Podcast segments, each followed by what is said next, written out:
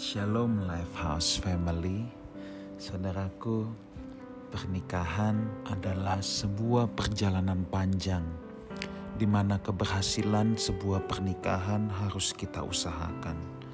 Pernikahan yang berhasil, yang berbahagia, tidak datang dengan sendirinya, tetapi pasti melewati proses dan usaha dari kedua belah pihak. Itulah sebabnya pernikahan itu hanya ada dua pilihan. Apakah menjadi duet yang sangat handal atau menjadi ajang duel? Tentunya kita semua mau pernikahan kita menjadi ajang duet, bukan ajang duel ya saudara ya. Nah, Roma 14 ayat yang ke-19 berkata demikian. Sebab itu marilah kita mengejar, harus dikejar nih. Apa yang mendatangkan damai sejahtera dan yang berguna untuk saling membangun. Nah, saudara, satu kali saya nonton di YouTube ya tentang anak-anak anjing saudara. Biasanya kumpulan anak-anak anjing itu sangat sering bergurau, sangat sering bermain.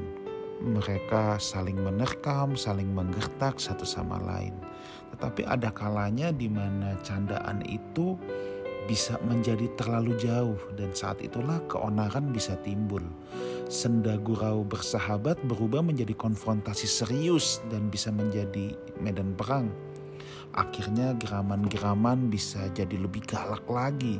Pukulan-pukulan bisa agak menjadi lebih keras. Suasana senda gurau bisa berubah saudara menjadi suasana tegang. Nah kerap kali si induk anjing itu harus melangkah dan meleraikan baku hantam itu dan memberikan teguran kepada yang nakal bisa digigit lehernya sedikit ya seperti dicubit gitu. Nah saudara Kebanyakan pertengkaran dalam pernikahan juga seperti itu. Biasanya dimulai dengan satu atau dua patah kata yang melewati batas. Dari gurauan menjadi gangguan, dorongan menjadi desakan, komentar menjadi kritik. Dan biasanya akan dimulailah pertengkaran-pertengkaran yang hampir selalu saling membalas, membenarkan diri, menuduh terasa perlu, dan lain sebagainya. Saudara, semua pertengkaran menghancurkan bukan saja kedamaian, tetapi kedua belah pihak. Ya, kedamaian batin kedua belah pihak suami istri juga akan terganggu. Itulah sebabnya Rasul Paulus mengingatkan untuk orang-orang percaya yang kita kejar itu damai sejahtera dan yang berguna.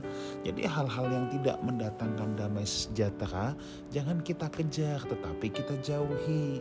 Misalnya kalau ada sesuatu yang kurang sesuai dengan hati kita, sebelum kita melontarkan sebuah kalimat kepada pasangan kita, Yuk kita pikirkan dulu apakah kalimatku ini mendatangkan damai sejahtera?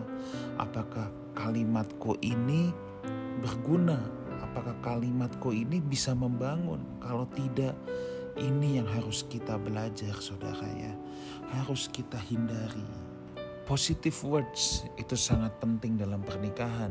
Baik antara suami istri maupun kepada anak-anak. Misalnya istri kita masak terlalu asin. Kita bisa mengkomunikasikannya tanpa membuat itu menjadi ajang peperangan. Kita bisa berkata, "Ma, kita sudah mulai berumur. Ada baiknya kalau masakan jangan terlalu asin. Itu akan lebih enak daripada, "Ma, kamu mau sumpen saya mati ya, Ma ya?" Nah, kan jadi nggak enak. Kalau anak-anak berbuat kesalahan, kita bisa berkata, "You can do it better."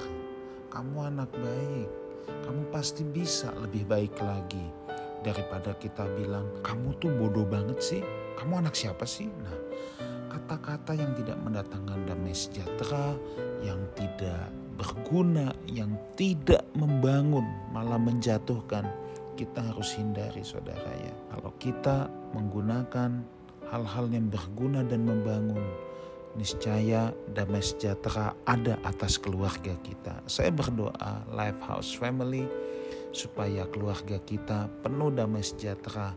Pasangan-pasangan yang ada di Lifehouse Family menjadi duet yang sangat kompak.